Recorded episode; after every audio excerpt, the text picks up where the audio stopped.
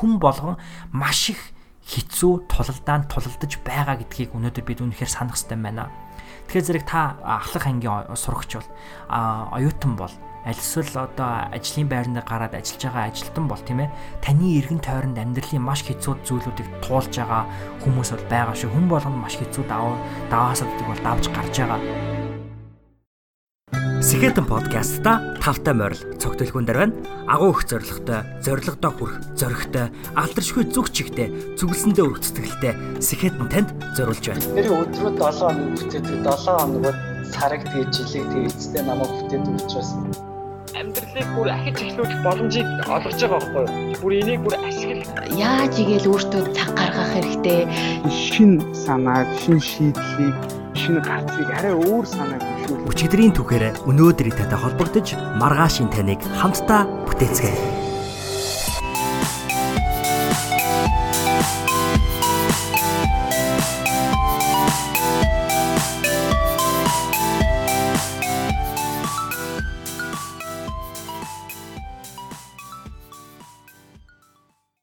Сайн мэцэнэ сонсогчдоо энэ хүрээд сэхэдэн төслийн хүрээний бэлтгэн хүрэгдэг Нями 8 подкастын маань 75 дугаар дугаар эхлэхэд бэлэн болсон байна. А хичээлийн шинэ жилийн мэндийг юуны түрүүн та бүхэндээ хүрэхийг хүсэж байна. Яагаад тэгэхээр хичээлийн шинэ жил эхэлснээс хойш Нями 8 маань гарч буй хамгийн анхны дугаар бол энэ байгаамаа. За тэгээ подкаст хийгээгүй яг өөрийнхөө энэ хүн Нями 8 подкаст хийгээгүй нэг сарын хугацаа өнгөрсөн байна. А гисэн хэдиж өнгөрсөн нэг сарын хугацаанд бол манай 50 та хамт подкаст ялангуяа 50 тагаал таны мэд хүн болонгийн маань цоо шин хоёр гайхалтай дугаар хүрсэн байгаа тэр хоёр дугаар та бүхнийг үнэхээр баярлуулсан жаргаасан тийм дугаарууд байсан гэж итгэлтэй нь учир надад тийм байсан учраас за Ямин 8 подкастын маань хувьд подкаста хийгээгүй яг нэг сарын хугацаа өнгөрч байгаа учраас энэ удаагийн дугаарыг би соло байдлаар өрнүүлж ерөнхийдөө бол өөрийнхөө амьдралд болоод буй сүүлийн үеийг 8 зүйлийг та бүхэнтэй бол хуваалцахыг хүслээ. За тэгэхээр ерөнхийдөө бол би та бүхэнтэй өнөөдөр ярилцах 8 зүйлээ ерөнхийд нь бол та бүхэнтэй хуваалцъя.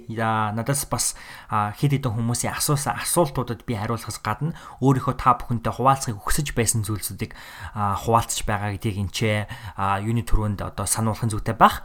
За нэгт би яагаад Миннесотагийн их сургуульд иргэн орсон тухайга тайлбарлах болно. Хоёрт яг өөрийнхөө одоо энэ хүү магистрийн програмын хөтөлбөрийн тухай бол танилцуулах болно. Гуравт мөрнөх бол одоо миний хувьд магистрийн анхны жил анхны семестр анхны өдрүүд хэрхэн өнгөрч байна тухай за үүнээсээ ойлгоод буй нэг зүйлийг хуваалцах байгаа. Энэ бол одоо яг энэ подкаст дугаарын хамгийн гол зүйл байгаас тийм учраас та бүхэн маань заавал энэ хэсэг хүртэл сонсоорой гэж үнэхээр их хүсэх байна. За дөрөвт болохоор хийх зүйлээ хийхгүй байна гэдг нь таныг хүнээс дор хүн болохгүй тухай яриа. За тавд болохоор сүүлийн үед сонссон нэг подкастн дээр дөрөөлж нэг номыг та бүхэнтэй хуваалцах байгаа. Өөрөөр хэлбэл Ями 8 уламжлалт нэг зүйл болох одоо сүүлийн үеийн онцлог контент. За 6 болохоор эго гэж юу вэ? За эго эгогийн эсрэг тэгвэл ихтгэл үнэмшил энэ хоёрын эго ихтгэл үнэмшил хоёрын ялгаа гэж юу вэ? Болон 7-д бусдад туслах тухай хүн бүр тулаан тулдаж байгаа тухай яриаг би дахиад нэг удаа хийх болно. Гэтэ энэ удаад хичээлийн шинжил одоо яг энэ оюутны амьдрал, сурагчийн амьдрал энтэй ол холбож ярих юм байна. За хамгийн сүүл 8 болохоор би Instagram дээр нэгэн giveaway хийх гэж байгаа. Түүнийхээ тухай мэдээллийг Instagram биш биш Facebook подкастынхаа сонсогч нарт хамгийн түрүүнд хуваалцах юм байгаа шүү. Тийм учраас хамгийн сүүл сүүлд та бүхэндээ хамгийн түрүүнд би нэгэн зүйлийг хуваалцах юм байгаа шүү. Instagram giveaway-ийнхаа тухай.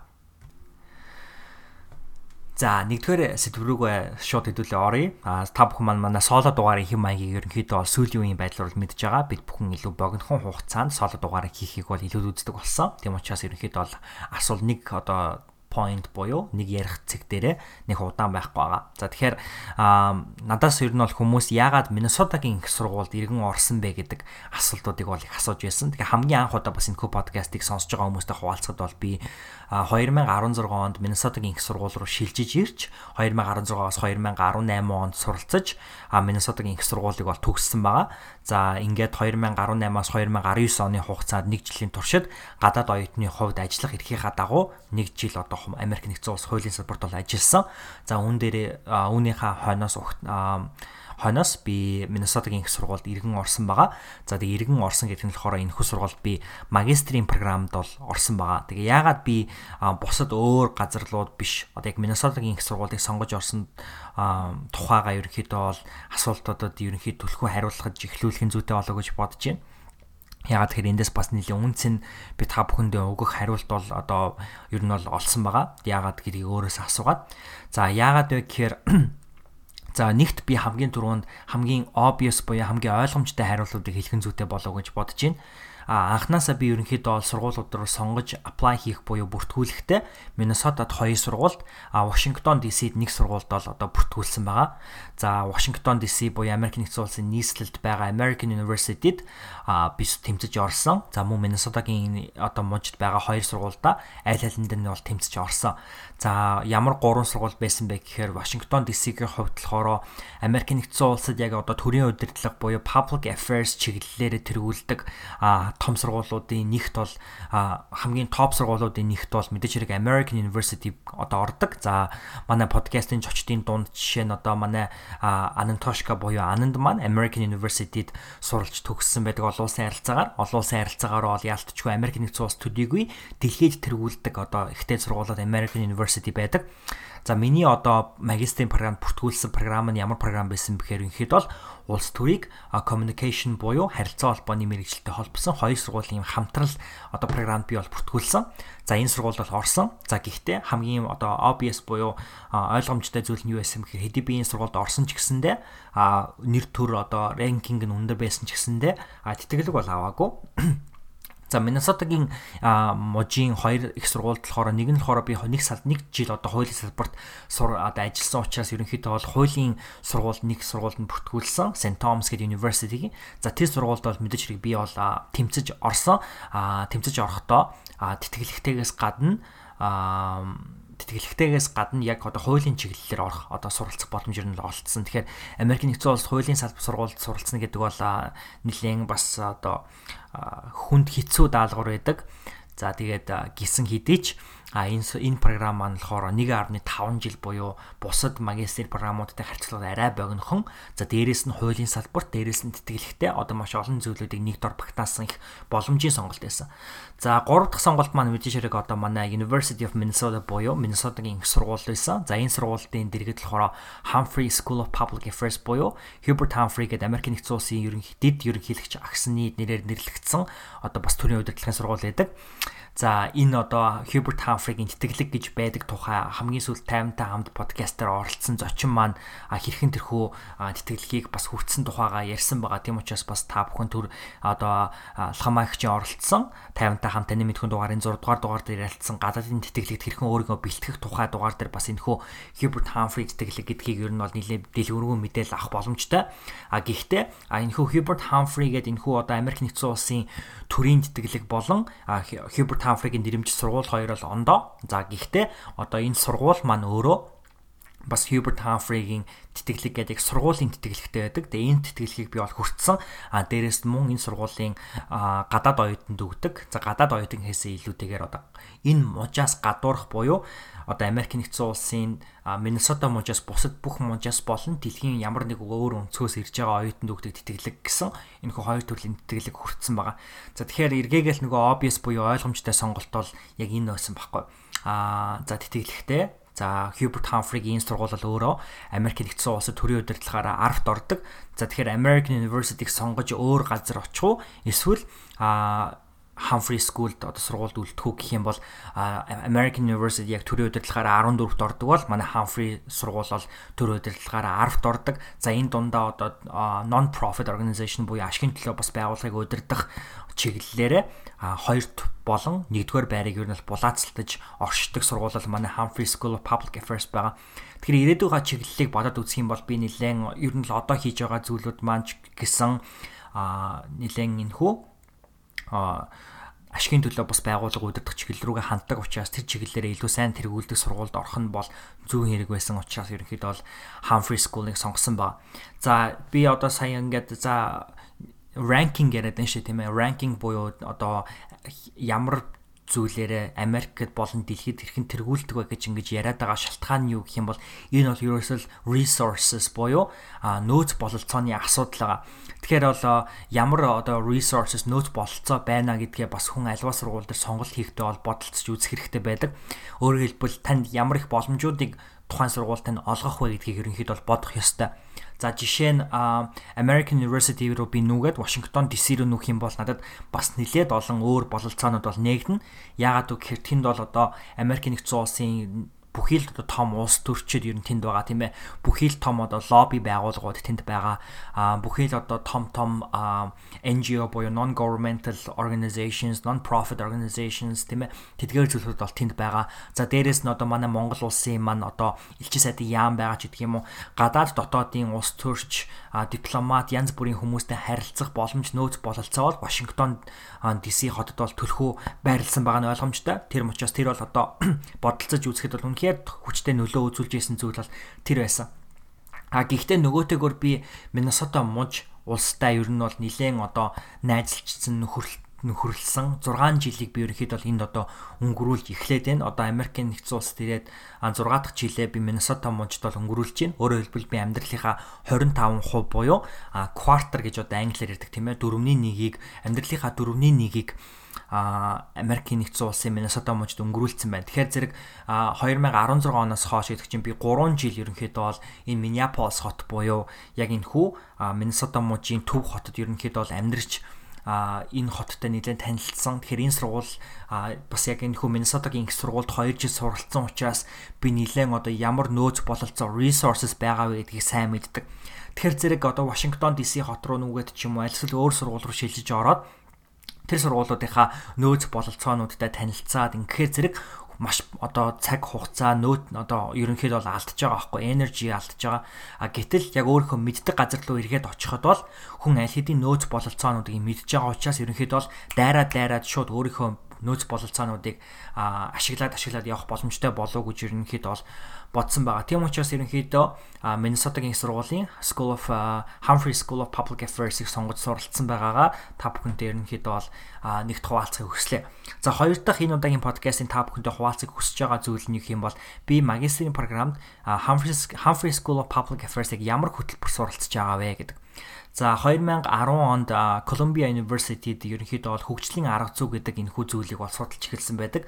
Development Practices яагаад вэ гэхээр ер нь бол дэлхийд даяар бид нар 1950-ад оноос буюу дэлхийн 2 дугаар дайнаас хойш дэлхийн хүдэн дайны үеэс ахуулаад бид бүхэн дэлхийн одоо ядуу буурай улс орнуудыг хөгжүүлэхийн төлөө одоо барууны улс орнууд бол нэлээд одоо тууштай зүтгэсээр ирсэн байдаг. А гисэн хэдий ч дэлхийд даяар ядуурл байсаар байгаа эргэтгэж бус байдал бол байсаар байгаа тий. Тэгэхээр энэ асуудал яагаад байгаа юм бэ? Бид нар маш олон ингээ хөгжлийн оноллуудыг ингэж гаргаж ирлээ. Эдгээр оноллуудыг бид нар хэрэгжүүллээ. Маш их одоо хөрөнгө оруулалтыг ядуу буурай орнууд руу чиглүүллээ. Маш их тусламжийн гарыг сунглаа. Гэтэл яагаад эрэх төгш бос байдал байсаар байна? Яагаад хөгжил яг одоо барууны орнуудын хүсэж байсан хэмжээнд тийм ээ тэдний одоо төсөөлж байсан хэмжээнд хөгжихгүй байна вэ гэж одоо их сургуулиуд гайхаад одоо энэ хүү хөгжлийн development practices буюу миний орчуулад байгаагаар хөгжлийн арга зүй гэдэг програмыг бол одоо дамжуулж одоо хэрэгжүүлж эхэлсэн байна. За тэгээ 2010 оноос ахуулаад за энэ бол яалтчгүй одоо ихтэй сургуулиудын хэмжээнд одоо заах ёстой хөтөлбөр юм байна гэж үзсэн. А үүнээс хойш одоо Columbia University-с ахуулаад Emory University, Harvard University, Калифорниагийн сургууль, Minnesota-гийн сургууль зэрэг одоо Америк нэгдсэн улсын том том ихтэй сургуулиуд энэхүү програмуудыг өөрсдийнхөө ихтэй сургуулиуд дээр хэрэгжүүлж эхэлсэн байдаг. За тэгэхээр бол яалтчгүй манай сургууль бол одоо Америк нэгдсэн улсын хэмжээнд байгаа цөөнх одоо энэ хүү development practices буюу хөгжлийн арга зүй гэдэг програмыг бол заадаг сургуулиудын нэг бол болж чадсан байдаг. За тэгээд хөгжлийн арга зүйн одоо юугаараа ялгаатай мэй гэдгийг би зүгээр монгол хэлэн дээр одоо дөрөөлөд тайлбарлах юм бол хөгжлийн онол гэж одоо ярьдаг тийм ээ. За онол гэдэг үгний одоо язгуурыг харах юм бол онох онол гэдэг ингээд үгийн үг бол юу гэлтэж байна гэх юм бол онол гэдэг бол нэг юм бай байдаг тийм үү. Тэгэхээр яг тэр байг онж онохыг бол одоо онол гэж нэрлэж болохоор тийм ээ. За би бол монгол хэлний мэрэгчлэлтэн биш учраас бол а жоохон өрөөсгөл тайлбар өгчиж магадгүй. Гэхдээ ерөнхийдөө бол яг хов хүний үнсээс харах юм бол хөгжлийн онол гэдэг зүйл яг ийм зүйл гэдэг тийм ээ. За хөгжил гэдэг бол одоо GDP буюу дотоодын нийт бүтээтөний хэмжээ яг ийм байх хэвээр ингэж одоо одоо бид нар экспорт импортыг одоо ийм хэмжээнд байлгаж ийж бид нар GDP-г нэмдэг ч гэх юм уу иймэрхүү байдлаар хөгжлийн онол таргет байг ерөнхийдөө бол хөгжлийн онолууд л өгдөг. За тэгэхээр одоо дэлхийн бүх улс орнууд ядуу буурай улс орнууд тийм ээ ингээд яг тэрхүү хөгжлийн онолыг ингээд Африкийн нэг улс тийм ээ Азийн нэг улс одоо юу одоо Латин Америкийн нэг улс ингээд энэ гурван одоо нэг улс ингээд бүгдөө яг адилхан хөгжлийн тэр онолыг ингээд хэрэгжүүлэхээр зэрэг одоо жишээ нь Гватемала, Азербайджан, Монгол тийм ээ эсвэл одоо Африкийн Зимбабве ч гэдэг юм уу эдгээр улс орнууд бүгдөө яг адилхан хөгжлийн онолыг яг ингээ хөгжгөөд хэрэгжүүлэх юм бол ерөөсөө ажиллахгүй. Яагаад тэгэхээр Монгол гэдэг чинь нэг өөр улс, Азербайджан, Гватемала, Зимбабве гэдэг чинь нэг өөр өөр улс л шүү. Тэгэхээр зэрэг тэр улс болон өөрсдийн гэсэн онцлог давуу талуудтай байдаг. Тэгэхээр тэрхүү давуу тал онцлогуудыг ойлгодог, авахыг нь аваад гээхийг нь гээдэг, уламжлалыг шинжилэлтэд хослуулж чаддаг тэдгээр одоо хөгжлийн арга зүйч нарыг бий болгох нь манай одоо программын хөтөлбөрийн гол онцлог байсан.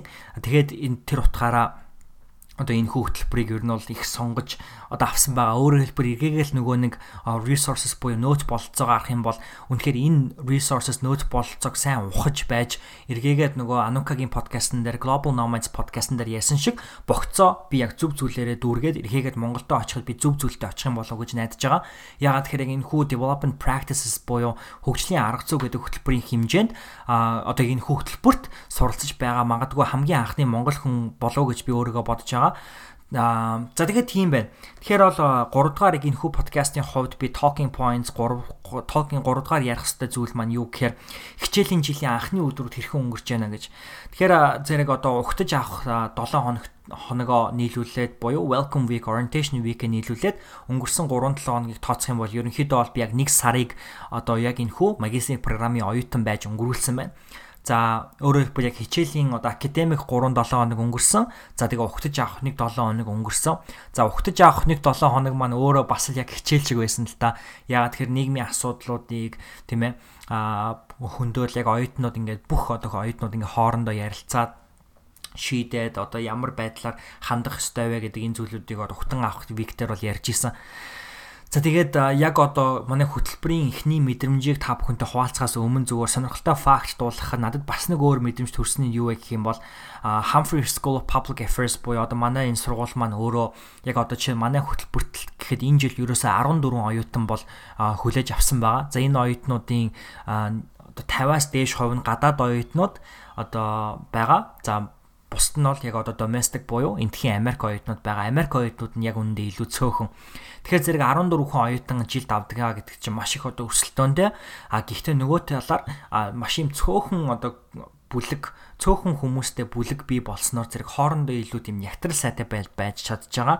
За энэ бас надад ямар сонирхолтой мэдрэмж төрүүлсэн бэ гэх юм бол яг Hogwarts хүрээд ирсэн юм шиг санагдсан л да одоо Harry Potter-ын ягаад үг гэхээр програм болохын хөөстөн гэсэн онцлогтой public policy гэдэг юм уу те public policy буюу одоо а одоо эргэцэн хуулийнх нь сургууль байна те. За дээрэс нь human rights одоо програм байна, хүний эрхийн програм, за urban and regional development гэхээр одоо зэрэг бүс нутгийн хөгжил, хотын хот бүсийн хөгжлийг одоо бий болгодог энэ магистри програм байна гэдэг юм.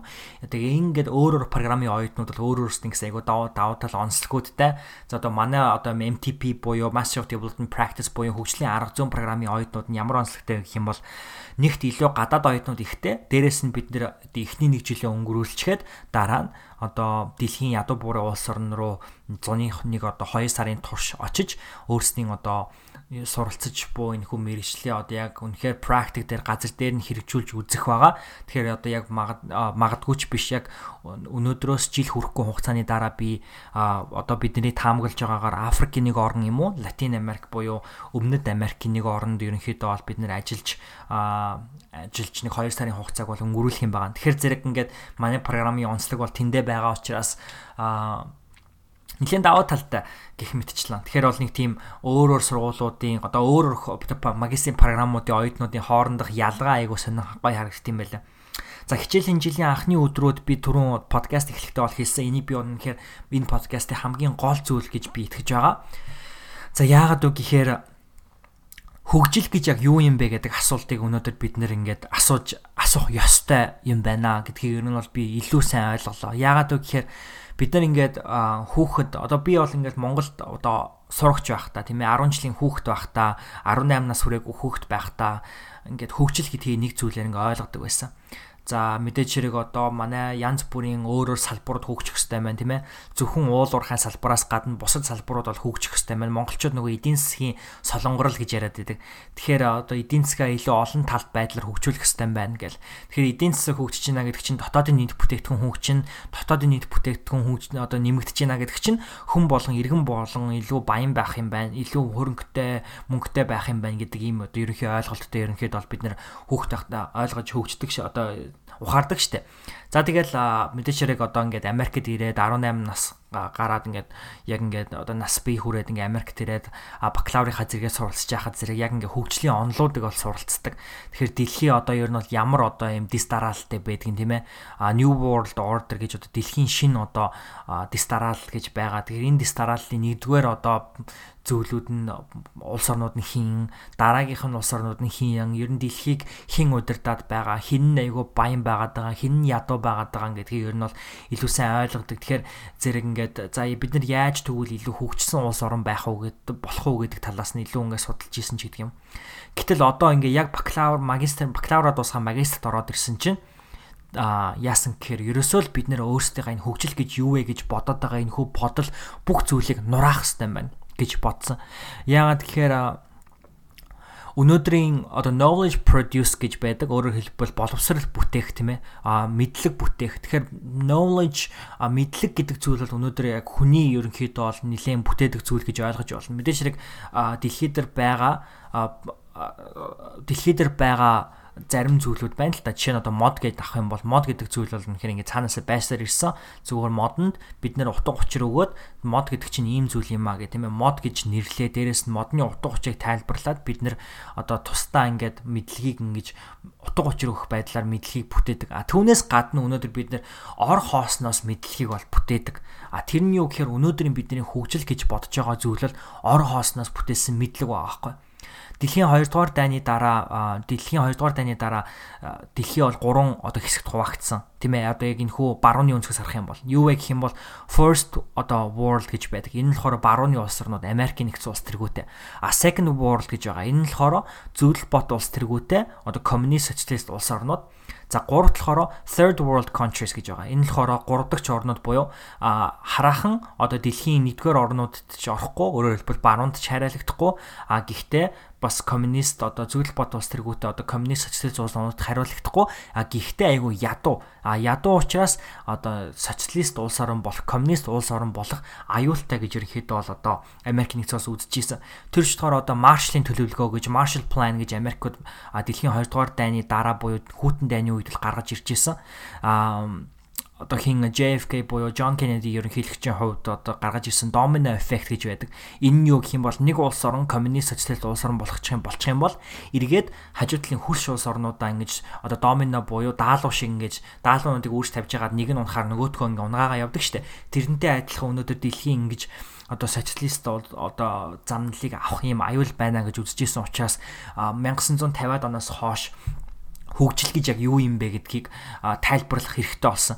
Тэгэхээр зэрэг ингээд тухайн одоо үеийн хөгжил гэдэг ойлголтыг ерөөсөө л барууны улс орнууд бүгднгийн тодорхойлоод нэгэн ширхэг судалгаан дээр үндэслэл за ядуу улс орн гэдэг бол энэ улс орнуудыг хэлдэм байна гэж тодорхойлол. Тэр улс оронд нь аль хэдийн дэлхийн одоо 3-ны 2 нь буюу дэлхийн одоо дийлэнх тийм ээ 66% нь бол шууд тэр улс орнуудын тоонд бол одоо орж байгаа байхгүй.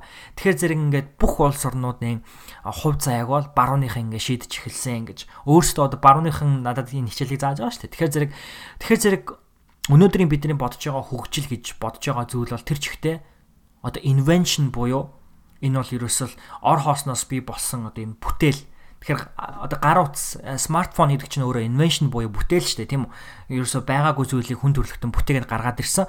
Тэрнтэй адилхан хөгжил гэдэг байгаагүй зүйлийг барууны орн хөгж одоо гаргаад ирсэн. Тэгэхээр зэрэг одоо modernization гэж хэлдэг тийм ээ. Одоо улс орнуудыг илүү одоо модерн буюу хөгжсөн болгохын тулд одоо монголчуудыг жишээ нь ингээл нүүдэлчд учраас айгу барбарик гэж Америкууд одоо ярьдаг тийм ээ.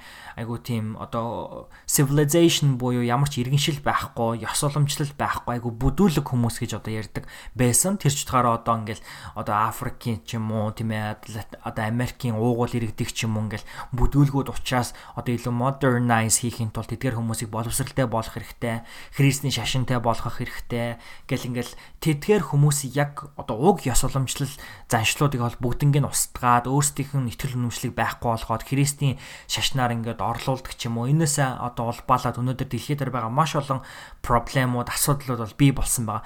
Тэгэхээр зэрэг эдгээрийг ингээд бид нар одоо хараад харах хэрэгтэй гэдэг. За ингээд modernization-ы дараа human development буюу хөгжил гэдэг чинь ерөөсөө зөвхөн одоо энэ шинжлэлээс гадна хүнийг нь хөгжүүлэх хэрэгтэй байна гэж одоо харсан ч гэдэг юм уу тий. Тэгэхээр одоо хүнийг ингээ хөгжүүлэхийн тулд ямар ямар арга замууд авсан байгааг ингээ бас бид нэгээд харах хэрэгтэй. За хүнийг хөгжүүлсний дараа одоо sustainability гэдэг зүйл өнөөдөр гарч ирж байна л да дэлхийд даяар гарч ирсэн бай тийм ээ. А өөрөөр хэлбэл одоо sustain гэдэг бол ерөнхийдөө байгаа зүйлийг байгаагаар нь хадгалж үлдэх гэсэн үг шүү дээ тийм үү. Тэгэхээр зэрэг яг үнэндээ өнөөдөр дэлхийн барууныхан бол өнөөдөр маш их одоо байгалийн гамшгуудыг тарьсан. Тэгэхээр зэрэг энэ байгалийн гамшгуудыг тарьсан нь буруу байсан юм байна. Гэхдээ ямар ч хэсэн энэ хөгжлийг бол бид нар удаасгаж болохгүй яагаад тэгэхээр дэлхийн 3 дахь орнууд буюу ядуу буурын орнууд хөгжих хэрэгтэй байгаа. Тэгэхээр бол хэдүүлээ хөгжлийг удаашруулах удаашруулахгүйгээр хэрхэн байглаа арай нэг урт удаан аваад явчих бай явчих уу тийм ээ энэ дэлхийн ертөнцийн устгахгүйгээр арай нэг жоохон удаан хугацаагийн сунгаад гэтээ жоохон хөгжчихье гэсэн нэг ийм өнцгөөс барууныхаа ингээ хараад эхэлсэн. Гэтэл одоо биднэрт юу хэрэгтэй гэх юм бол degrowth буюу ухарч өгчих өөрөөсөө өөрөөр хэлбэл бидний хөгжлийн бодол онолыг бол нураах хэрэгтэй болж болж ирж байгаа маа гэж. Тэгэхээр зэрэг өнөөдөр би энийг бас яагаад та бүхэнтэйгээ хуваалцаж байна гэхээр Skeleton podcast-ийн сонсогч бид бүхэн манай гэр бүлийнхэн Skeleton гэр бүлийнхэн юуг ойлгох хэрэгтэй гэх юм бол миний одоо мэдлэг боловсрал энэ бүхэн бол маш их хэмжээнд бол одоо энэ барууныхнаас бол барууны ертөнцөөс бол ирсэн байгаа. Тэгвэл зэрэг үүнийг ойлгодог энэ awareness буюу а үүнийг анхаардаг ийм хандлага байх хэвээр. Одоо awareness гэдгийг орчуулах юм бол монгол хэл рүү орчуулах юм бол мэдлэг ойлголт тийм ээ. А одоо ингээд жоох ингээд ойлголт мэдрэмжтэй байх хэвээр ингээд сэргэг байх хэвээр тийм ээ. Сонор сэрэмжтэй байх хэвээр гэсэн үг шүү дээ. Тэгэхээр зэрэг бидний одоо тэгж их шүтээд байгаа барууны одоо мэдлэг би өөрөө яг энчээ сурж байгаа хүний өнцгөөс харахад барууныхан өөрсдөө тэгж байгаа байхгүй бидний одоо өмнөх одоо generation тийм барууныхан одоо би баруун одоо Америкуудын өнцгөөс ярих юм бол бидний өмнөх generation-ээс гаргаж ирсэн бодлогууд өнөөдөр дэлхийг бол ингээд сүрүүлээд одоо сүрлийн ирмэгдэр нь аваад ирсэн байна. Тэгэхээр энэ бол ерөөсөө хөгжил гэдэг бол одоо бидний бүтээл юм а. Ерөөсөө энэ бол ерөөсөө цоошин одоо хуучин байсан зүйл биш юм а. Энэ бол цоошин зүйл юм а. Гэтэ энэ бол буруу зүйл байсан юм а. Гэдгийг өнөөдөр биднэрт одоо Америкийн шинэ үеийн одоо илүү одоо ихтэй сургуулиуд багш нар маань бидэрт ингээ ойлгуулах гэдэг чинь судлаач шинжээч нар маань тэгжээч өнөөдөр бид нар эргээгээд дэлхийг үнэхээр одоо урт утгааны хугацаанд ингэж байлгах хэрэгтэй. Тэгэхээр зэрэг монголчуудын маань хувьд скетинг гэр бүлийн маань хувьд юу гэж ойлгох хэрэгтэй гэхээр бидний маш их мэдж байгаа мэдлэг, маш их одоо мэдж байгаа боловсрал энэ бүхнийг хэн бүтээвэ? Энэ бүхэн хэний зүйл байваа гэдгийг бодох хэрэгтэй. Өнөөдөр яагаад Монгол улс маань үнэхээр одоо хангалттай хэмжээнд бидний сэтгэлнийг хангасан хэмжээнд тийм ээ сэтгэл хангалуун хэмжээнд яагаад монголчууд маань амьдрч чадахгүй байгаа вэ гэдгийг зөвхөн өөрсдөө бурууг бол авчрах ёсгүй байна. Яагаад тэгэхээр өнөөдрийн өнөөдрийн бидний хөгжил хийж бодож байгаа энэ зүйл маань өөрөө гадныхны бүтээл учраас бид нар өөрсдөө танихгүйгээр гадныхны одоо хэрэгцээ шаардлагыг бүтээхийн төлөө бид нар бол амьдраад байна гэдгийг юу бид нар ойлгох хэрэгтэй. За тэгээ энийг би бас хуваалцад байгаа нэг өөр шалтгаан нь юу гэх юм бол би одоо Skeden подкастын подкастыг бий болохоос өмнө Нями 8-ыг блог байхад өөрийгөө нураах тухай нэг тухай блог дээр бичижсэн. Тэр нь юу гэх юм бол өөрийгөө тойрсон ихтгэл үнэмшлүүдийг бүгднийг нураагаад дахиж өөрийгөө яг хин юм бэ гэдгийг бол таних хэрэгтэй гэж За тэгээд нэлээд хүн сэдвээр ер нь бол ярьлаа. Тэгээд цаашдаа ерөнхийдөө бол би Skeleton Backstage podcast буюу Skeleton тайзны ард подкастаа хэрглэж аа яг энэ хүү сэдвийн хүрээнд бол илүү цаашдаа бол ярьсаар байгаа. Хичээлийн одоо тэмдэглэл тийм ээ а одоо янз бүрийн ойлголтууд альва зүйлүүдэд би Skeleton Backstage podcast-ээр хуваалцсаар байх болно. Тийм учраас та бүхэн маань Skeleton Backstage podcast-ыг бүгдөө сонсоорой гэж бол уриалж байна. Удахгүй шин дугаараараа хүрээд хүрэх болно. Тэгээ Skeleton Backstage podcast-ийн маань бас нэгэн зорилго юу вэ гэх юм бол би яг өөрийнхөө одоо энэ хүү карьер тийм ээ яг одоо өнөөдөр би магистр програмд суралцж байна гэдэг чи өөрийгөө нэг карьерийг одоо бий болгох гэж оролдож байгаа оролдлого. Тэгэхээр өөрийнхөө карьерийг яг энэ хөө өөрийнхөө дуртай зүйл буюу подкасттайгаа хослуулах одоо тэрхүү хамгийн гол платформ нь бас Head Backstage podcast бол байх юм болов уу гэж би бодож байна. А энэ хүү Head podcast маань харин а монголчуудын маань үнэхээр сор болсон уур ухаануудыг залуучуудын уур ухаануудыг гаргаж ирэх нөхөд талбар нь байх болно гэж би бол итгэж байна. За тэгээд хэдүүлээ дараагийн дөрөвдүгээр зүйл рүү оръё. За дөрөвдүгээр зүйл маань болохоор хийх зүйлээ хийхгүй байна гэдг нь өөрийг тань хүнээс дор хүн болохгүй гэдэг сэдвийн тухай би ярилцахыг бол хүсэж байна. За энэ бол нэлээд одоо түрүүний 3 дугаар одоо ярих зүйлээс бол нэлээд одоо гажууд буюу ондоо зүйл байгаа шүү. Яагаад тэгэхээр энэ бол нэлээд одоо миний сүүлийн үеийн амьдралын маягт ажиллагдсан зүйл. За мэдээж хэрэг одоо 1 жил хуулийн салбарт ажиллаад тийм ээ өглөө ингээд 7-оос 4 цаг 3 цаг хүртэл ч юм уу эсвэл 9-оос 5 цаг хүртэл ингээд ажиллаж байхад бол ингээд өдөр болгон нэг ингээд зүйлийг хийдэг. За дээрэс нь даалгавар байхгүй тий. За тэгээ дээрэс нь нөгөө дассан газартаа амьдарч исэн. Тэгээд ингээд одоо ингээ магистр програмд орсон чинь маш их зүйлүүд надад өөрчлөгдөж эхэлсэн л дээ. Би шинэ газар руу нүүсэн. Шинэ газар руу нүүхдээ оюутны хотхоноос арай холдоод яг хот руугаа ол нүүсэн байгаа. Тэгэхээр яг энэ хот руугаа нүүцхээр нүүчхээр зэрэг оюутнуудтай биш ингээ яг одоо ажил хийж байгаа хүмүүсийн дунд ороод яг ингээд нэлээд амьдралын хэм маяг эргэн тойрон бол нэлээд өөрчлөгдсөн. За дээрэс нь одоо ажил хийж байгаа гинт магистрийн програм руу орсон чинь одоо ингээл хичээл хийх, даалгавар хийх, маш их зүйл унших. За дээрэс нь одоо миний өмнөх одоо ярих зүйл дээр дурдгдсан одоо миний ингээд бүх ингээ итгэл үнэмшлүүд ингээ нураад ирэхээр зэрэг хүн ингээд юунд итгэх үү, юу илээгээд ингээд үнэхээр ингээ салгалаад эхэлж байгаа байхгүй. Тэгэхээр зэрэг ингээд маш их одоо амьдралын хэм маягийн хувьд, сэтгэл зүйн хувьд, оюун бодлын хувьд бүх зүйлүүд ингээ өөрчлөгдөд өөрчлөгдөд эхлэхээр зэрэг маш их ийм тав тухгүй байдал руу ороод амьдралын хэм маяг нэлээд алдагдаж эхэлнэ. Тэгэхээр өөрөөр хэлбэл нөгөө хийх ёстой зүйлүүдийг хийж чадахгүй болж эхэлж байгаа байхгүй. Өдөр болгон дасгал хөдөлгөөн хийх ч юм уу, бясалгал хийх ч юм уу, тийм ээ. За дээрэс нь одоо подкастыг хийж чадахгүй нэг сар болохоор зэрэг ингээл хийх ёстой зүйлийг би хийж чадахгүй гэл ингээл маш их хэцүү хар юм одоо эмоц сэтгэл хөдлөлүүд ингээл аваад эхэлж байгаа байхгүй. Аа тэгэхээр зэрэг ингээд хүрх ёстой зүйлдээ хүрч чадахгүй байхаар зэрэг өөрийгөө ингээд жоохон сэтгэлээр унаал өөрийгөө өөртөө жоохон сэтгэл хангалуун байж чадахгүй байхаар зэрэг ингээд өөртөө их тийм өөрийгөө жоохон дорд үзээд байснаа би гинт ажигласан. Тэгээд би өөрөөсөө асуусан байхгүй. Би хийх за би өнөөдөр бясалгал хийхгүй байлаа гэд намайг өнөөдөр хүнээс дор хүн энэ болох зүйл ерөөсөө биш юм байна гэж би өөртөө гинт хаанаас ч мэдгүй энэ бодол надад орж ирсэн. Хүн өөрийгөө та өөрийгөө байгаагаар нь хайрлах ёстой. Магадгүй та өнөөдөр нэг зүйл хийж чадахгүй байлаа гэд үнэхээр бүр хичээгээд хичээгээд хийж чадахгүй байлаа гэд альсад үнэхээр ерөөсөө хичээхгүй байлаа гэд та хүн хിവэрэ шүү. Та өөрийгөө хайрлах ёстой, өөрийгөө уучлах ёстой, өөртөөгөө та зөөлөн харьцах ёстой. Team Ferriss-ийн өөрийнхөө нэг Instagram дээрээ ч билүү Twitter дээрээ нэг юм шеэрлж исэн үг байдаг хүгэж исэн үг гэдэг. Тэр нь ямар үг байсан бэ гэхээр таны дотоод дуу хоолой та өөрийнхөө хүүхдтэй харьцах дуу хоолой мэт одоо дотоод дуу хоолойнд анхаарал тавиарай гэж. Тэгэхээр та ингээл чи ястаа ингээ өнөөдөр бясалгал хийсэнгүү новш минь ингээл хүүхдэд загнаад байхгүй шүү те. Хүүхдтэйгээ бол хүн маш зөөлөн харцаж зөв зүйлийг бол одоо зөв гэж ярьж мэдээж буруу зүйлийг нь буруутгах ёстой. Гэсэн ч гэсэндээ буруу гэж хэлэх ёстой ч гэсэндээ маш зөөлөн зөв харьцах ёстой гэдэг. Тэгэхээр өнөөдөр бид нар өөрсдөө зөв харьцах ёстой шүү дээ. Энийгээ бүр ингээ мартцсан. Тэгэхээр өнөөдөр та бясалгал хийхгүй байлаа гэ та хүнээс дор хүн болохгүй та бол хүн. Өнөөдөр та гадаа гарч гүүн гэж бодож исэн чи гүүгэж гүүч гэсэндээ та хүнээс дор хүн болохгүй. Та бүр магадгүй бүр том хэмжээнд тийм ээ. Ихтэй сургуульд суралцгаад суралцж чадахгүй ч гэдэг юм уу. Ажил олж чадахгүй байдаг ч юм гэдэг юм уу амьдралд ингээд маш хэцүү даваанууд бол байгаа. Эдгээр даваануудыг давж чадахгүй байгаа. Хийх ёстой зүйлийг хийж чадахгүй байлаа гэд та хин нэгнээс дор хин нэгэн бол биш шүү. Та бол та бол одоо хүн тийм ээ таны өмнө байгаа нэг ийм үг байдаг штэ таны өмнө байгаа хамгийн том асуудал бол та өөрөө гэж хэлдэг. Гэхдээ та бас тэр асуудлаас гарах арга зам нь та өөрөө байдаг. Тийм учраас өөрийгөө хайрлах хэрэгтэй. Өөрийгөө тэр арга зам болохын төлөө өнөөдөр бид өөрийгөө хайрлах хэрэгтэй шүү гэж би та бүхэндээ хуваалцмаар байна. За тэгээд би дараагийн 5 дугаар одоо ярих зүйл рүүгээ орох нь орох нь зүйтэй. Тэгээ ягаад гэвэл энэ 5 дугаар зүйл маань мэдээж хэрэг энэ өмнөх а дөрв зүйтэй маань холбоотой зүйл байгаа. Тэгээ энэ болохоор нөгөө контент би шеэрлнэ гэдэг жисэн шүү дээ. Тэр нь юу гэхээр за мэдээж хэрэг та ингээ хийх ёстой зүйлээ хийж чадахгүй байхаар сэтгэл санаагаар уннаа. Гэхдээ бас мэдээж хэрэг ингээд унаал тийм ээ а жоохон харанхуу сэтгэл зүйтэй автагдаад ингээд сэтгэлээр унаал байж болохгүй. Тийм учраас та хамгийн түрүүнд юу хийх ёстой вэ гэдгийг энэ одоо контентыг түгээснээр би та бүхэнтэй хуваалцах байгаамаа. За David Allen гэдэг хүний бичсэн Getting Things Done буюу зүйлүүдийг хийх гэдэг нэг одоо ийм утгатай гарчигтай ном байдаг байна.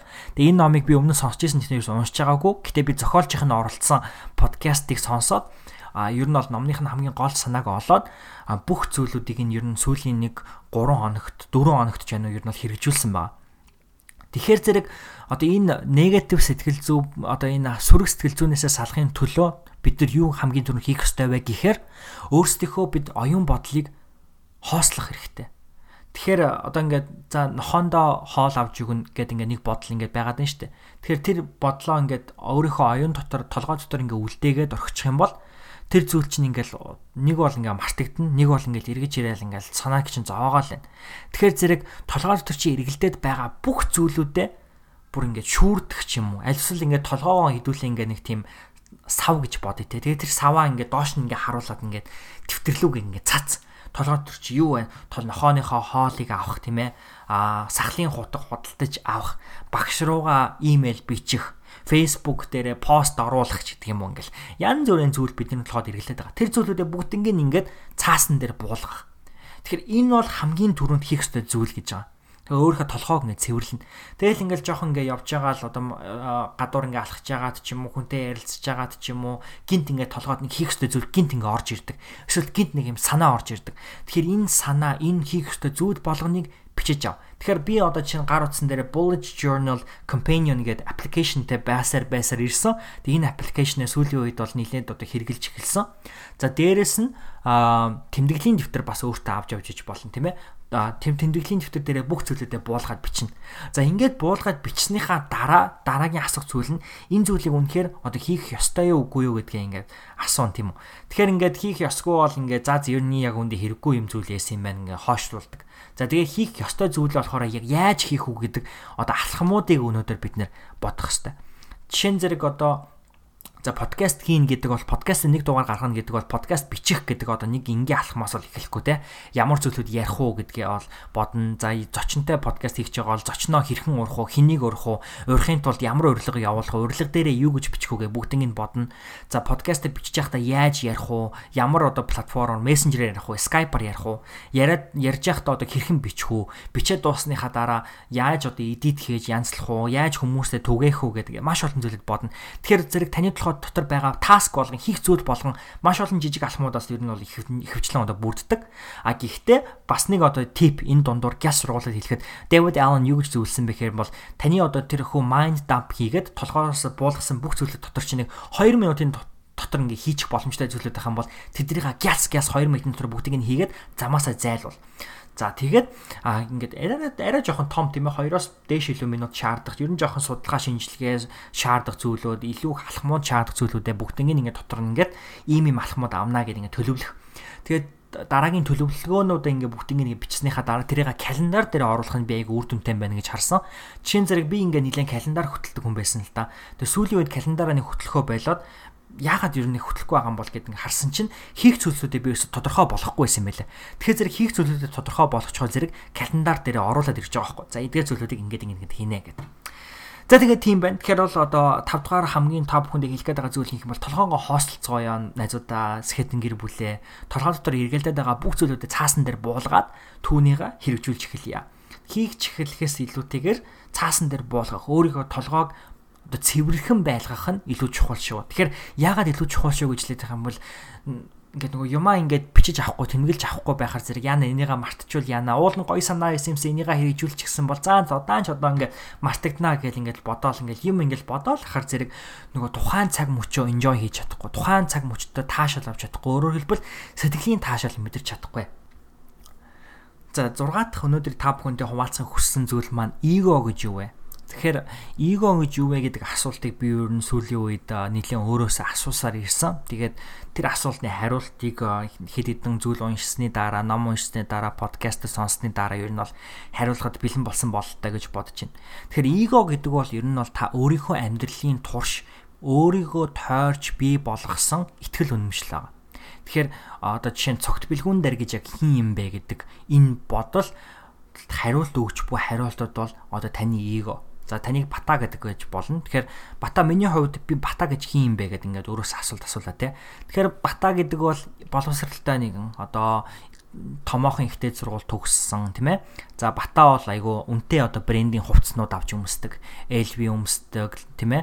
Аа одоо Эрмегийн бүс зүүдэх гэдэг юм ингээд бата гэдэг хүний хувьд бол айгүй боловсралтай гэхдээ айгүй гой ганган хувцалтай цалин өндөртэй ийм залуу гэж өөрийгөө боддог. Тэгэхээр зэрэг энэ нь одоо би ингээд эго гэдэг нэг ийм ойлголт байна. За эсэргээрээ бас яг хуу эго гэдэг нь сайн талаас нь бас харж болно. Яагаад үг гэхээр хүн өөрөө өөртөө итгэдэг, итгэл үнэмшилт чинь сайн зүйлүүд бас байж болно шүү дээ, тэ.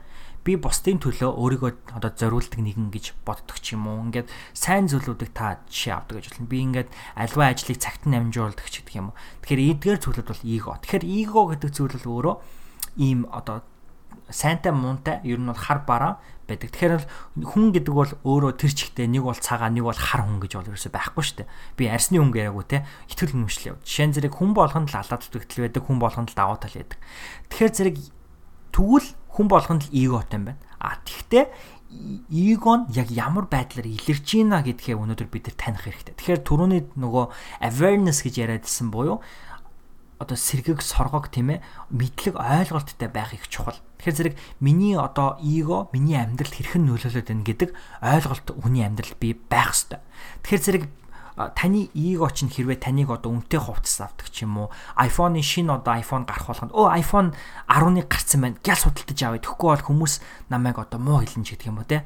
Өө миний Instagram дээр оруулсан пост бусад хүмүүсийн постноос илүү бага лайк авчлаа ч гэдэг юм уу? Намайг амар цөөхөн хүмүүс дагаад байна ч гэдэг юм уу? Иймэрхүү байдлаар одоо таны эго жоохон сөрөг тал руу таныг ингээд буруу тал руу чиглүүлээд авах юм бол энэ эгоноос бид нар өнөөдөр салах хэрэгтэй болж байгаа байхгүй Тэгэхээр зэрэг одоо таны өнөөдөр хийж байгаа ажил, эрхэлж байгаа хөдөлмөр эдгээр зүйлүүд бас зөвхөн одоо таны selfish буюу зөвхөн амин хуваа хичээсэн шаардлагуудыг хангахын төлөө та хийгээд байвал та дахиад нэг өөрийнхөө амьдралыг харах шаардлагатай болж байгаа юм байна. А гítэл эсэргээрээ таны хийж байгаа зүйл үнэхээр бусад хүмүүсийн амьдралд нөлөөлдөг. Бусад хүмүүсийн амьдралд үнцэн өгдөг. За өөрт тань мэдээж хэрэг даваа талууд ирж байгаа. А гэхдээ хамгийн гол нь та тэрийг мэдж байгаа мэдлэг ойлголттой учраас та даруухан байж чаддаг. Монголчуудын хэлдэг үг гэдэг шээ те. А эрдэмтэй хүн одоо дүлгөөхөн гэж Тэр зэрэг одоо өөрийнхөө тэрийг би ингээд одоо тэр үгийг ингээ хар эргээгээд харахад мэдлэгтэй түүнийга мэдж байгаа. Одоо өөрийгөө илүү одоо мэдлэгтэй ч гэдэг юм уу мэдлэгтэй боловсралтай гэдгийг ол хүн мэдж байгаа. А гэхдээ түүнийга өөрийнхөө зөвхөн одоо selfish буюу амин хуваа хичээсэн байдлаас хандах биш. Даруухан байж. Би одоо мэдх зүйлийг мэддэг. Гэхдээ энэ бол одоо биний сайн да биш ээ. Одоо бусад манай сургууль сайн байсан миний багш нар сайн байсан ч гэдэг юм уу тийм ээ. Миний эргэн тойронд байсан хүмүүс надад маш их зүйлийг ойлгуулж чадсан гэд энэ бүх зүйлээ мэддэг ойлгодог учраас өөрийнхөө тэр зүйлийг мэддэг учраас даруухан байж чаддаг хүн бол эгоогоо зөв зохицуулж чадчих байгаа байхгүй. За тэгээд тэр зэрэг энэ бол нөгөө ихтгэл үнэмшлийн асуудал болоо явчихж байгаа. Тэгэхээр эго гэдэг зүйл бол хүн болгонд байдаг. Өнөөдөр та өөрийгөө та болгож байгаа тийм ээ. Бата гэдэг энэ одоо цав цагаан цаасан дээр бичсэн тэр одоо зүйлүүд бата гэдэг бол тэр гэж асуултанд хариулдагдж байгаа зүйлүүд бол эго юм а. За эго бол нэг тал нь давмгайлсан байж болно. А гэхдээ хүнд бол аль аль нь л байдаг. Давуу талж байна, сул талж байна. Тэгэхээр зэрэг тэр давуу тал давуу тал чинь их байна уу? Давуу талаа гэхдээ та зөвхөн амин хуваа хичээсэн байдлаар ашиглаад байна уу? Жишээ нь улс төрт орчоод өөрийнхөө л одоо хэрэгцээ шаардлага хангахын тулд одоо одоо авилга хээл хахуул авдаг ч юм уу тийм үү. Ингээл байх юм бол энэ бол ерөөсөө буруу л эго байгаа. А эсэргээрээ улс төрт ороод улс төрч хүн бол мэдээж хэрэг олонний өмнө гарч өөрийгөө таниулж тийм ээ олон хүний хүмүүсийн саналыг авч одоо elected office буюу одоо саналыг авч янз бүрийн office одоо суудалд суух байгаа. Тэгэхээр зэрэг тэр суудалд суухын тулд хүмүүс танигдахын танигд танигдахын тулд тийм ээ цаад гол шалтгаан нь юу байсан бэ? Үнэхээр өөрийнхөө амин хувийн шаардлагуудыг хангах гэдэг юм уу? Альсвал үнэхээр арт түмнийхээ төлөө зүйл одоо үн цэнтэй зүйл хийх гэдэг юм уу тийм үү? Тэгэхээр үнэхээр альва үн цэнтэй зүйлийг хийх гэдэг байгаа бол одоо зөв үеийг одоо зарцуулагдаж штэ. Одоо зохицуулагдаж штэ. Тэгэхээр зэрэг ямар итгэл үнэмшил танд байна вэ гэдгээ харах хэрэгтэй. Тэгэхээр зэрэг эго хүн болгонд байдаг үүнийга мэддэг awareness буюу мэдлэг ойлголт танд байх хэвээр. За энэ мэдлэг ойлголттой нь танд ямар итгэл үнэмшилд одоо удирдагдж гин гэдгийг та мэддэг байх хэрэгтэй байна гэж ер нь бол би өөрийнхөө судалгаан дээрээс бол үндэслэж одоо мэдсэн байгаа. Гэтэ та бүхэн маань надтай энэ хүү бас хэдүүдээр цаашаага ярилцахыг хүсч байвал миний Instagram хаягаар холбогдоод надад мессежээрээ би үнэхээр одоо харилцан яриа өрнүүлэхдээ таатай хоолж байгийн сэдвийн төрөнд. За тэгээд 7 болон 8 дугаар ярих зүйлүүд маань нэлээд товч байх юм байгаа. За 7 дугаар зүйл нь юу гэх юм бол би зүгээр сүүлд Netflix дээр 8 сарын ихэр ч нэг series-ийн нэг сүүлийнх нь хамгийн сүүлд гарсан одоо нэг одоо бүлгийг бол найз хүнтэйгээ хамт үзсэн. Тэгээд 13 reasons why гэдэг одоо 13 одоо шалтгаан яагаад гэсэн шалтгаан гэдэг одоо зохиол юм уу да одоо гарчигтай юм уу да тэгээ энэ дээр болохоор нилээн одоо одоо ахлах ангийн хүүхдүүд амиа хорлдог хүчиндэлт тийм ээ өөрийгөө илэрхийлж чадахгүйгаас болж тийм ээ айдас хүүдсээс болж ингэж өөрсдийнхөө амьдралыг балж байгаа ч гэдэг юм уу. Тэгэхээр одоо нөгөө масс шүтинг буюу Америкт ингээд олонгоор нь одоо нэгнийгээ буудаж алах үзэгдлүүд маш их тохиолддог штэ. Яагаад энэ үзэгдлүүдийг ахлах ангийн хүүхдүүд хийгээд байдгийг энэний цаана ямар шалтгаан байж болохын гэдгийг нэлээд тайлбарлсан нэг юм уран сайхны байдлаар харуулсан нэг юм кино би үзсэн. Одоо анги ТV шоу. Тэгээ энэ киноныг би үзчихээд юу гэж бодсон бэ гэхээр яг л нөгөө би нөгөө хэлээд идэг Платогийн Everybody is fighting a hard battle буюу хүн болгон маш их хэцүү тулалдаанд тулалдаж байгаа гэдгийг өнөөдөр бид үнэхээр санах хэрэгтэй байна. Тэгэхээр зэрэг та ахлах ангийн сурагч бол оюутан бол альсвал одоо ажлын байранд гараад ажиллаж байгаа ажилтан бол тийм ээ таны эргэн тойронд амьдралын маш хэцүү одоо зүйлүүдийг туулж байгаа хүмүүс бол байгаа шүү. Хүн болгоно маш хэцүү даваа даваасуудыг бол давж гарч байгаа. Тэгэхээр тэр хүмүүс өнөөдөр магадгүй тантай нэг гоё харьцаагүй ч байдаг юм уу, нэг муухай жоохон ярвайцсан ч байдаг юм уу ингэсэн бол тэр хүн яагаад ингэж байгаа юм бол гэдэг асуултыг та асуугаарай. Хүнд хизээж битгий муухай одоо зан ааш гаргаарай тийм ээ. Ахлах сургуульд одоо оюутанд одоо оюутны амьдрал байгаад идэг нэг зүйл юу байдаг юм бол нөгөө би бинэ дээрлэгдэг одоо гадны хүн гүзэмжээр нь ч гэдэг юм уу ээж аваас нь болоо ч гэдэг юм уу би бинэ дээрлэгдэг ийм зүйлүүд их байдаг.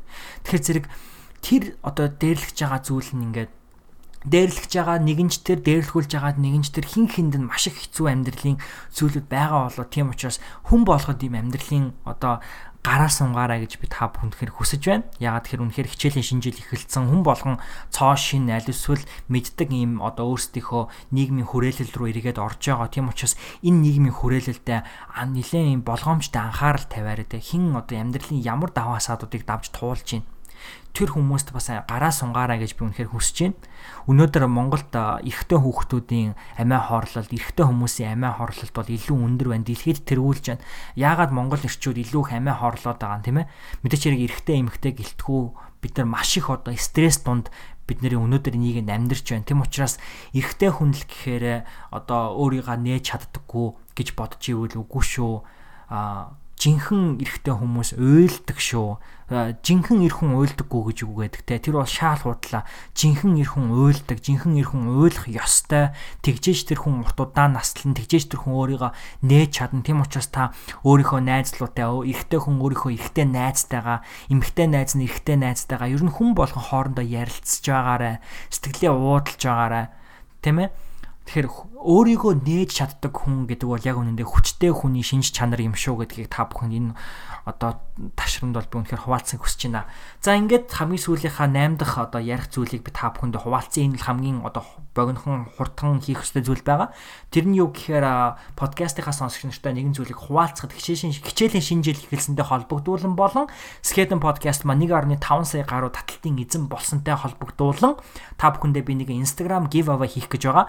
Тэр нь юу гэх юм бол би та бүхэндээ Amazon компани Kindle цахим ном уншигчийг бол бэлтгэл нэг хүнд бэлтгэх юм а. За энэ хүү цахим ном уншигч нь болохоор өөр дээрээ гэрэлтэй учраас харанхууд уншиж болдог. Цэнгээ 7-оос 10 хоног барьдаг. А хүссэн номоо худалдаж аваад аль эсвэл үнэгүй унших боломжтой PDF-ийг нь явуулаад За тэгээд өөр дээрээ бас Bluetooth-тэй учраас Audible буюу сонсдог номыг чихвчээ заалгаад сонсох боломжтой. Гар утсан дээрээ сонсдог ном сонсох, Kindle дээр сонсох хоёрын ялгаа нь юунда байгаад байна гэх юм бол Kindle илүү удаан цэнгээ барьдаг. 7 хоног, 10 хоног цэнгээ барьна гэдэг бол гайхалтай зүйл. Тийм учраас энэ бол үнэхээр гайхалтай хичээлийн шинэ жилийн гоё бэлэг байж болох юм болоо гэж би үнэхээр итгэж байгаа. За тэгэл тийм байна. Instagram giveaway маань миний Instagram болох цогт бэлгүүн дар дээр өнөөдөр ням гаригийн 10 цагт тавигдах юм байгаа шүү. Оройн 10 цагт 22 цагт. Америк нэгдсэн улсын одоо Central Timer буюу би одоо маргааш өглөө ням гарагийн өглөө 9 цагт Монголд ням гарагийн шүн 10 цагт тавигдах юм байгаа шүү. Тийм учраас та бүхэн маань бас төрүүлээд оролцож болно. За оролцох арга маань юу байх юм бол мэдээж хэрэг намайг Instagram дээр дагсан байх хэвээр хоёр талаараа сэтгэлдүүлдэг. Сэтгэлдүүлдэхдээ нэг найзыгаа меншн хийн. А сэтгэл олон сэтгэл үлдээж болно. А дээрэс нь яг тэрхүү постыг одоо шеэр хийгээд стори дээр оруулаад намайг таг хийдэг хийх юм бол одоо newsfeed дээр ч юм уу тэр сториг одоо тэрхүү постыг оруулах юм бол би бас тэрийг бол одоо бүртгэл тооцогдоо таны ялах магадлал ихсэн. За тэгээд нэг сэтгэгдэл нэг оролдлого тийм учраас та хэдэн ч найзыгаа меншн хийж болно. Гэтэ тус бүртээ нэг нэг одоо сэтгэгдэл байх ёстой шүү гэдгийг та бүхэндээс анхааруулъя. Өөрөөр хэлбэл хоёр найзыгаа нэг сэтгэгдэлд оруулах юм бол та нэг оролдлого, а хоёр найзыгаа хоёр өөр сэтгэгдэл тус тусад нь та меншн хийх буюу дурдах юм бол та хоёр оролдлого аавна. Тэгэхээр өөрөөр хэлбэл таны Kindle-ийн 2019 оны хамгийн сүүлийн загварын шинэ Kindle-ийн эзэн болох боломжтой нь илүү нэмэгдээд явах юм байна. За энэ хүрээд манай Skeleton podcast-ийн цоошин дугаар маань энэ хүрээд өндөрлөж байна. Нямын podcast-ийн маань 75 дугаар дугаартад хамт байсан та бүхэнд маш их баярлалаа. Дараагийн дугаараар ирнэ уулзцаа.